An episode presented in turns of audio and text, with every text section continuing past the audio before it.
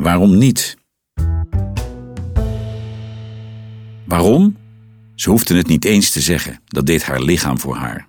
Alles aan haar zei: waarom? Waarom zit ik hier? Waarom moet ik praten? Waarom zou ik nadenken over wat voor werk ik zou willen doen? Als ik niets vroeg, zei ze ook niets. Als ik wel iets vroeg, waren haar antwoorden vlak. En ik gaf haar niet eens ongelijk. Ze had het op dit moment al zwaar genoeg. Mantelzorg, die mooie, o zo gemakkelijk van de tong rollende term voor alles wat ze al maanden deed voor haar langzaam stervende vader. Boodschappen, huishouden, hem wassen, hem afleiden als hij pijn had, zijn kont afvegen als het moest. Ga er maar aan staan. Nou, dat deed zij dus. En dan was ze al niet de vrolijkste. Nooit zo'n hoera-kind geweest, zei ze zelf.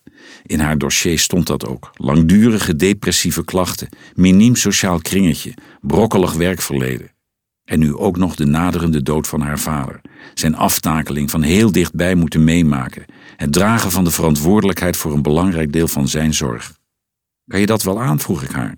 Ze staarde uit het raam. Het is mijn vader. Eén ding wist ik zeker. De in sommige kringen zo populaire schop onder de kont ging hier absoluut niet werken.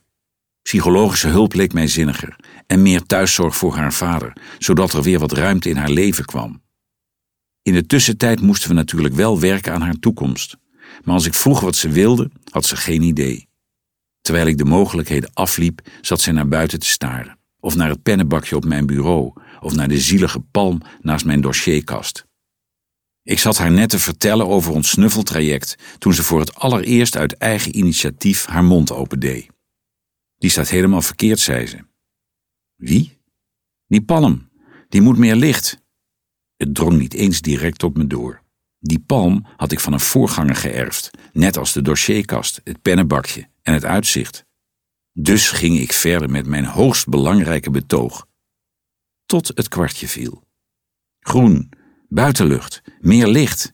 Ik heb het via een omwegje aan haar voorgesteld. Heb als domme groene vingerloze man uitgebreid om haar advies gevraagd. Toen ik uiteindelijk het woord groenvoorziening liet vallen, duurde het even voor ze reageerde. Waarom niet, zei ze toen.